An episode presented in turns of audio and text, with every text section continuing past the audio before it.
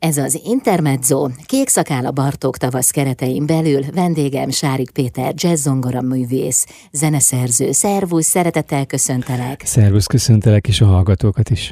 Vasárnap a Várkert bazárban találkozol a közönséggel, de áruld el, hogy hogy jön össze a kék szakál és a jazz. Hát ezek a nagy kérdések, ezek. igen. Hát a jazz az ugye nekünk adva volt.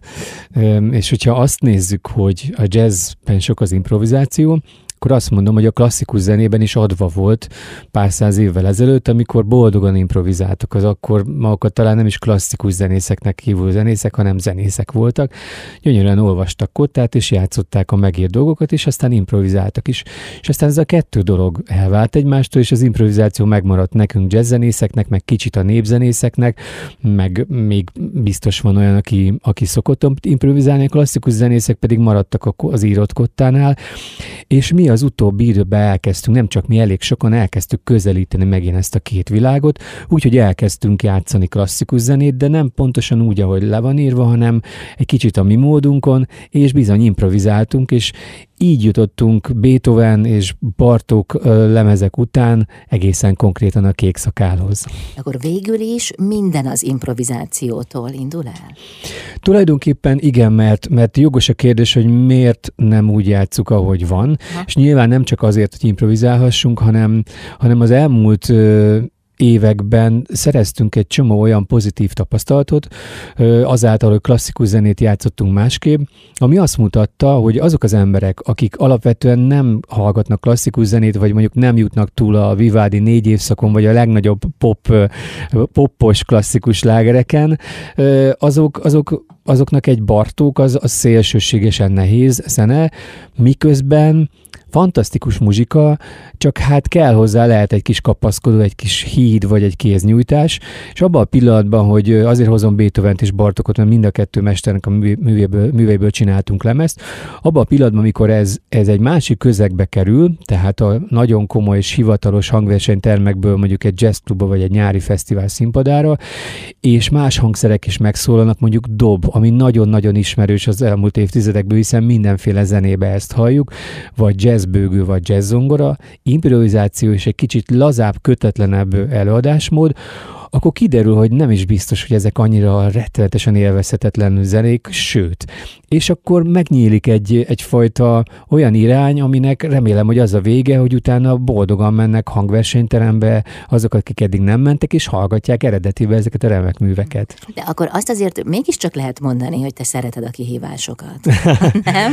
hát én akkor el szoktam mondani a kék szakál sztoriát. Ez az úgy volt, hogy még a boldog Covid előtti békeidőkben 2019-ben évben a Mis- Miskolcon a Bartók Plus Opera Fesztiválon játszottunk Bartókot nyilván, és a zenészek tudják, hogy vannak gyengén sikerült koncertek, közepesen átlagosan sikerült koncertek, és rettenetesen jó sikerült koncertek. Ezeket nagyjából mi szoktuk tudni megkülönböztetni.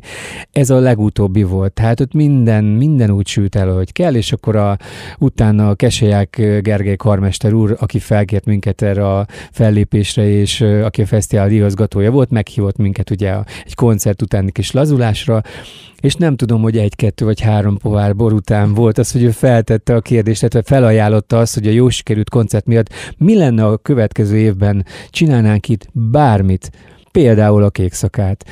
És akkor ilyenkor az ember ugye az előbb elfogyasztott üdítők hatására nagyon könnyen mondja azt, hogy igen, szívesen. Úgyhogy ezért, ezért is van az, hogy talán túlságosan is merész volt ez, a, ez az igenem. Másnap azért már szembesültem ennek a feladatnak a hatalmas súlyával, de is nem bántam meg, mert nem bántuk meg, mert életünk egyik legnagyobb élménye, hogy ez a, ez a mű létrejött. És hogyan kezdtél hozzá? Hogyan álltatok neki a Sárik Péter trióval? Hát egyértelmű volt, hogy hogy, az operaénekeseket és az opera ének szólamokat érintetlenül hagyjuk, mert nagyon-nagyon nagy a tisztelet Bartók felé, tehát az, az nem kérdés. Jazzzenészek különösen értékelik őt, hiszen nagyon sok jazz van az ő zenéjében, illetve a jazz nagyon sok dolgot elvett onnan, vagy használ Bartók zenéből. Úgyhogy nem mertem volna ebbe belenyúlni, és úgy gondoltam, hogy egy trió és két és ez gyönyörűen végrehajtja ezt a feladatot. Aztán pillanatok alatt kiderült, hogy ez így nem lesz elég, és végül oda jutottunk, hogy, hogy a trió, tehát zongora, bőgő, dob, mellé még társult egy elektromos zongora is, ami néha átvált Hammond orgonára, mert amikor kinyílik az ötödik ajtót, egyszerűen ott nagyon ki kell nyílni, és egy komplett szimfonikus vonós kar is még bekerült a képbe, mert mesztelennek éreztem enélkül a darabot, úgyhogy így duzzadt föl a csapat, de ez a vége, tehát az eredetiből a, a, a fúvósok kilettek véve, és a létszám is kisebb. Ez igen. Jövünk vissza. Folytatjuk a beszélgetést Sárik Péter jazz művésszel itt az Intermedzóban. Ez az Intermezzo vendégem Sárik Péter, jazzzongora művész, zeneszerző. Vasárnap a Várkert bazárban a Bartók tavasz keretein belül lesz hallható a Kékszakáló Herceg Vára című Bartók darab, hát a ti átiratotokban. Hmm. Azért ez egy nehéz, problémás, nehezebben befogadható mű, mint ahogy egyébként a jazz is. Tehát te két nehéz súlyú műfajt elegyítettél. Igen, érdekes dolog ez, hogy közben az van az ászlunkra tűz, vagy népszerűsítsük ezeket a dolgokat, és a egyik nehezet próbáljuk a másik nehézzel, de azt látom, hogy működik. Tehát ugye a jazz az lazítja a kékszakát, vagy a, vagy a klasszikus zenét, a klasszikus zene meg ad egy ad egy még nagyobb rangot ennek a műfajnak, mikor így összekeveredik. És nagyon érdekes, hogy igazából értelmetlenné válik az, hogy kategorizálunk. Tehát itt kiderül, hogy, hogy most nevezhetjük ezt jazznek, nevezhetjük ezt klasszikus zenének, mind a kettő egyszerre, mikor a kék szakát jazzesen játszuk de végül is azért a kockázatvállalás az mégiscsak benne van. Tehát, hogy hogy fogadja majd a vájtfülű közönség a Várkert bazárban? Rendkívül érdekes volt a fogadtatás, mi ezt nyáron már egy nulladik előadáson a Zemplin Fesztiválon bemutattuk, és ott nagy sikere volt. Engem az lepett meg, hogy egy csomó mindenki, aki kékszakár rajongó volt már, tehát az eredeti művet nagyon szerette, azt mondta, hogy hogy ez neki nagyon tetszik, mert célzottan nem ők, ők azok, akikre számítunk, mint hallgatóság, hiszen ők már szeretik, szeretik az eredetit, és biztos, hogy nem akartunk jobbat csinálni, mint az eredeti, hanem más szerettünk volna. Szóval ez egy kellemes meglepetés volt. Az is kellemes meglepetés volt, amikor pár klasszikus zenész kollega elmondta, hogy ő a gyerekeiken, ők a gyerekeiken tesztelték a miénket, méghozzá úgy, hogy, hogy az, el, az eredetit lejátszották nekik. Most egyik gyereke se tudta végighallgatni, nyilván, hiszen hogy mondjam, még egészséges lelkületű gyerek, tehát ez neki nehéz, még korai. Viszont a miénk meg végigment, pont azért talán, amit elmondtam, hogy ezek az új hangszerek beemélésével teljesen más lett a lélegzése a darabnak. Úgyhogy Úgyhogy én nagyon remélem, hogy itt Budapesten is szép fogadtatása lesz. Nyilván itt azért el kell mondjam, hogy igazságos legyek, meg őszinte, hogy a, hogy a például a klasszikus zenei szakma az nagyon-nagyon nem így fogadta. Tehát, ö, ö, hogyha azt mondom, hogy hideget és meleget is kaptam, akkor rendkívül enyhén, enyhén fogalmazom. Tehát azt gondolom, hogy ők még akik minden nap ebben a világban vannak, ők nem tudják elfogadni, vagy nehezen tudják elképzelni azt, hogy más ember nem Bartokkal kell és fekszik, hanem esetleg egyáltalán nem hallgat ilyen zenét.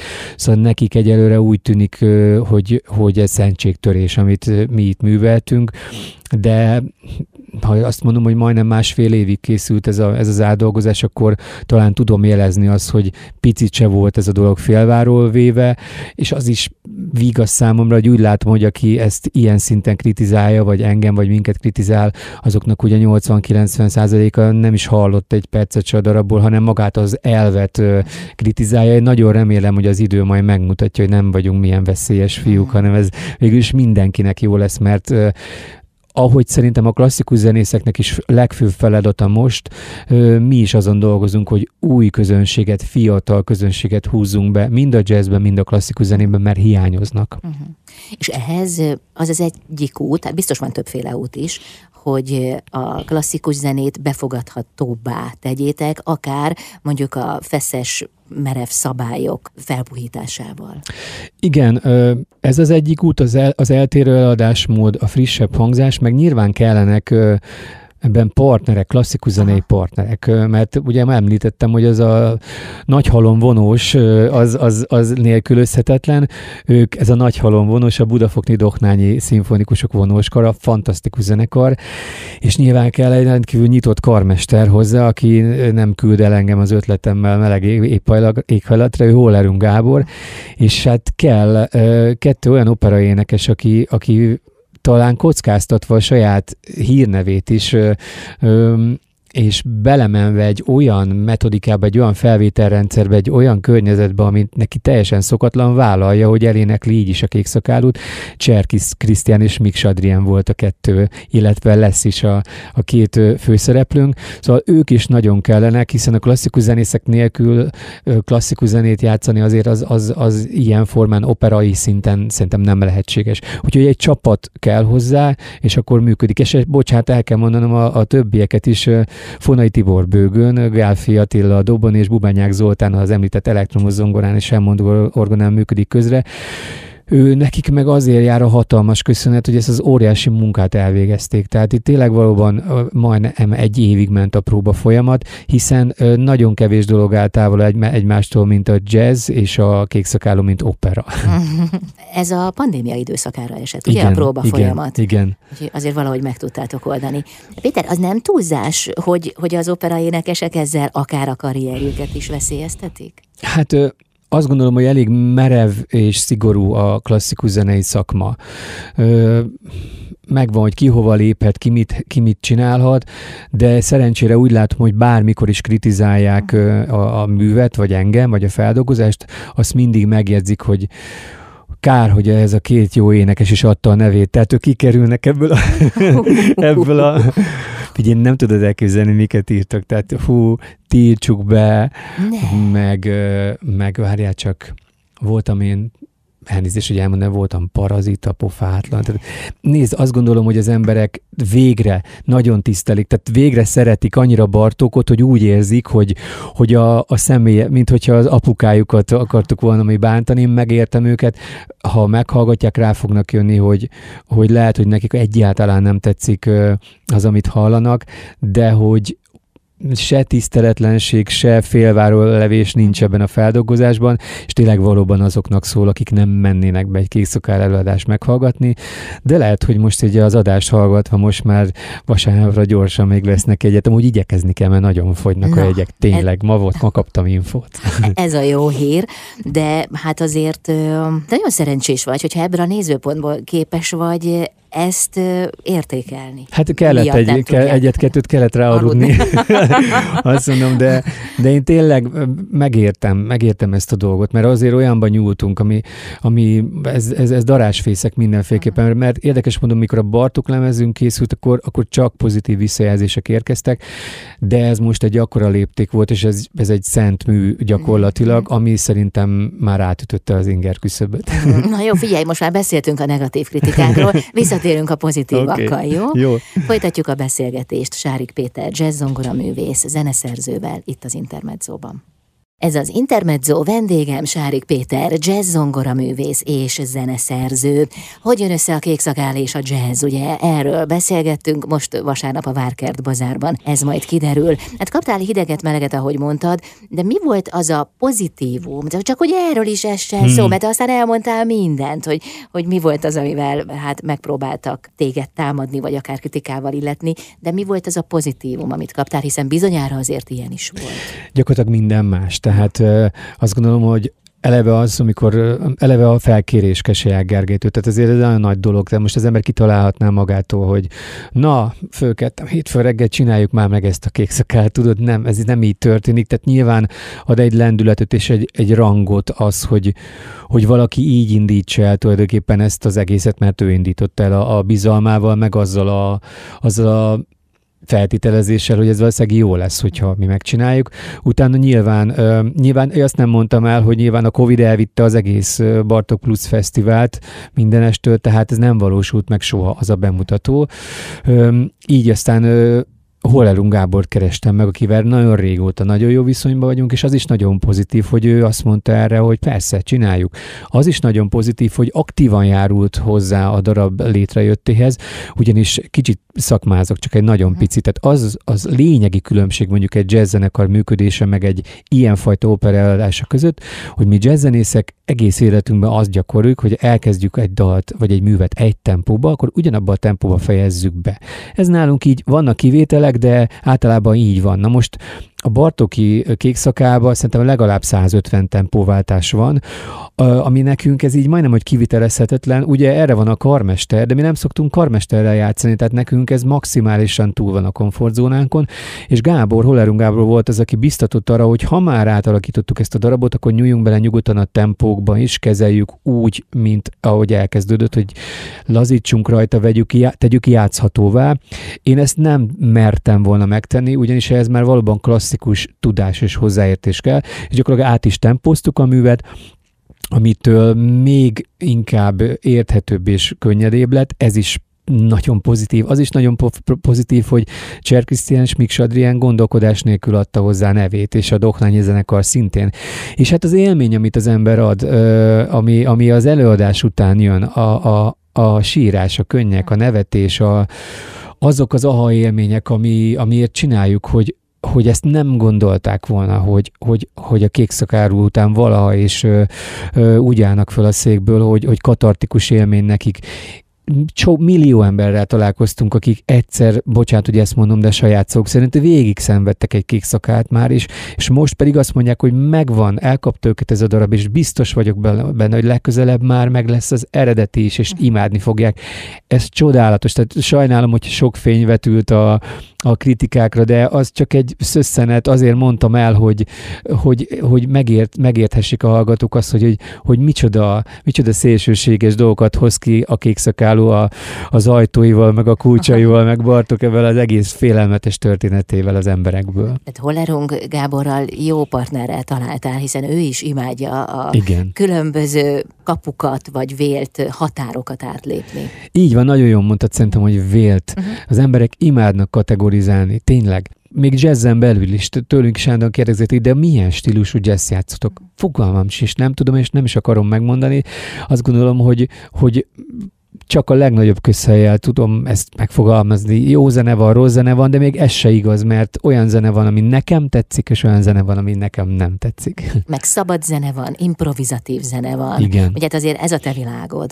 Persze, hát nem véletlen nem lettem klasszikus zenész, és igazából ezért is okoz nekünk ez nagy nehézséget a trióval, hogy, hogy ezt sikeresen végrehajtsuk ezt az előadást, vagy fölvegyük, vagy a lemez felvétele, hiszen, ahogy mondtam, legalább annyira kiléptünk a komfortzónánkból, mint az opera énekesek, akik meg, meg hát nem elszoktak, hogy ott csörömpölnek mellettük, és szigorúan be kell tartani a pontosan, mi nagyon pontosak vagyunk jazzzenészek, minden pontosan úgy van, ahogy a partitúrában, már mint amit nem változtattuk meg, úgyhogy ez szerintem azért volt nagy kaland mindenkinek, mert, mert olyan helyekre kellett kirándulni, ahol eddig nem jártunk. Hát akkor ez egy új dimenzió volt. Igen, és meg hát ami nagyon fontos dolog, és, és semmiféleképpen nem dicsekvésképp mondom, de büszkén, hogy még senki nem csinálta meg jazzben a világon a kék szakállat. Mondjuk most már nagyon tudom, hogy miért, iszonyatos nagy munka volt, és nyilván, nyilván uh, lehet, hogy másnak is eszébe jutott, aztán megtorpant az ügyben az van, hogy, hogy ez jó érzés, tehát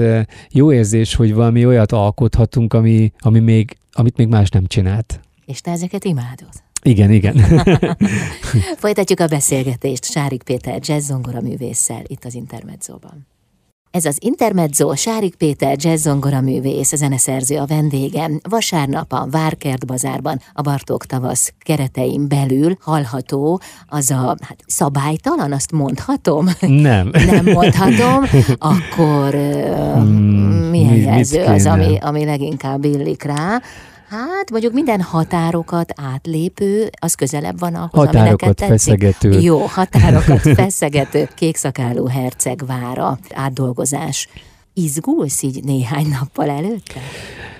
Ú, de furcsa azt mondanom, de most nem. Nem, mert Zemplénben nyáron bemutattuk, és uh, akkor nagyon-nagyon izgultam, de most uh, most oda tudnék ülni és eljátszani, tehát megérett a darab, annak ellenére csak egyszer játszott, de az idő mindig nagyon jót tesz ennek, és uh, holnap fognak kezdődni a próbák. Igen, holnap lesz az első próba, tehát lesz, lesz elég próbánk. Én úgy tudom, úgy érzem, hogy tudom a saját szerepem, a beton biztos vagyok a zenekaromba, ők is tudom. A doknányit nem kell félteni, szerintem a becsukott szemmel ébredés után akárhol is eljátszák ezt a Gáborról, Erumról pedig nem is beszél, és az énekesek szinte szerintem ilyen szempontból rendben lesz.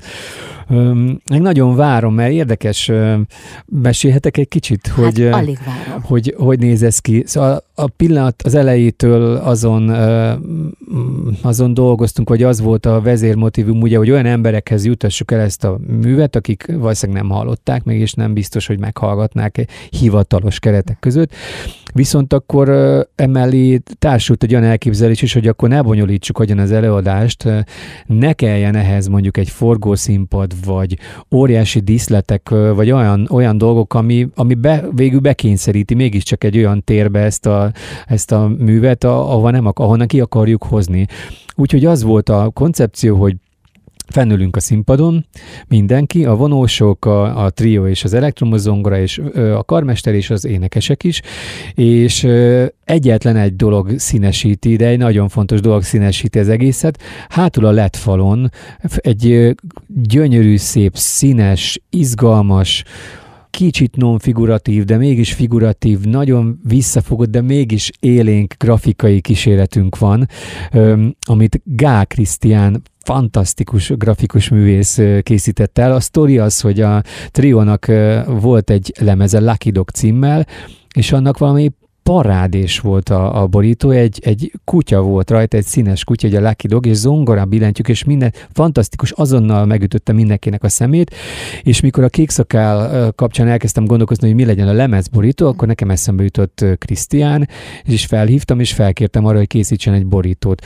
De ő, mintha már érezte volna a jövőt, ő nem csak egy rajzot készített, hanem többet, és akkor számomra egyértelművé vált, hogy annyira tetszett, hogy, hogy akkor megoldódik a rendezés kérdése, a rendezve sincs a darab igazából. Tehát mindenki beleképzel, amit gondol, az énekesek eléneklik a, a szavakat és a dallamokat, és, és valamit sejtett a grafika, de ennyi, mindent a, a kedves hallgatóra bízunk, és az lett, amit szerettem volna, hogy Krisztián megrajzolta úgymond az egész előadást, és hátul ez szépen folyik és változik, és ö, szerényen, de, de nagyon határozott színekkel és formákkal kíséri az előadást. Úgyhogy azt szoktam mondani, hogy gyakorlatilag egy mezőn is előadhatjuk ezt a darabot, nem kellenek hozzá különös speciális effektek, fények, fölmegyünk, játszunk, és a falon megnézhetik az emberek a szépséget. De gyönyörű, erőteljes és szinte sokkoló színek és formák. Igen. Most láttam és mégis ízléses, ugye? És mégis ízléses. Ugye? Hát igen, dolgoztasson szakember. Megéri. Krisztián fantasztikus munkát végzett, és az a jó, hogy ő, ő nagyon erősen utazik plakátügyben is, tehát ő plakátokat is és leginkább szokott festeni, és ott ugye elmondása szerint van neki mondjuk egy fél másodperc, vagy egy másodperce, hogy elkapja az emberek figyelmét, akik mondjuk egy elsuhanó trolliból látnak valamit, szóval nagyon ütősnek kell lenni annak, amit rajzol, és úgy gondolom, hogy, hogy ezek a grafikák azok, de mindenki megláthatja amúgy, ha, aki nem is jön el az előadásra, mert jó, széles, nagy CD borítót, sok oldalas csináltunk, és ez tel is teli van ezekkel a grafikákkal. Hát igen, nagyon célzottan és koncentráltan gondolkodik akkor Krisztián erről. Hát egymásra találtatok. Igen, hál' Istennek a Bartók összehozott minket és a kék szakál. Még ez is megtörtént veled. Vasárnap tehát a Várkert bazárban lehet veletek találkozni. Tudod már, hogy utána hová viszitek? Nem, nem. Hát az, most az a cél, hogy telekürtőjük vele a világot, és aztán meglátjuk, hogy a Jóisten mit akar ezzel. Én hiszek abban, hogy mi beletesszük a munkát, aztán megpróbáljuk ezt szépen eljutatni mindenhova, hogy tudjanak róla, és aztán, aztán ha lesz belőle valami lesz, ha nem, nem, de én bízom benne, hogy, hogy sok embernek fog ezt tetszeni szerte a világon. Hát legyen így, én biztos vagyok benne, hogy így lesz. Köszönöm. Azért többnyire így jársz lesz, nem? hát velünk szokott jönni jó Isten, igen. Nem véletlen. Köszönöm szépen, Én is köszönöm. Voltál. Sárik Péter, jazz zongora művész, zeneszerző volt a vendégem itt az Intermedzóban.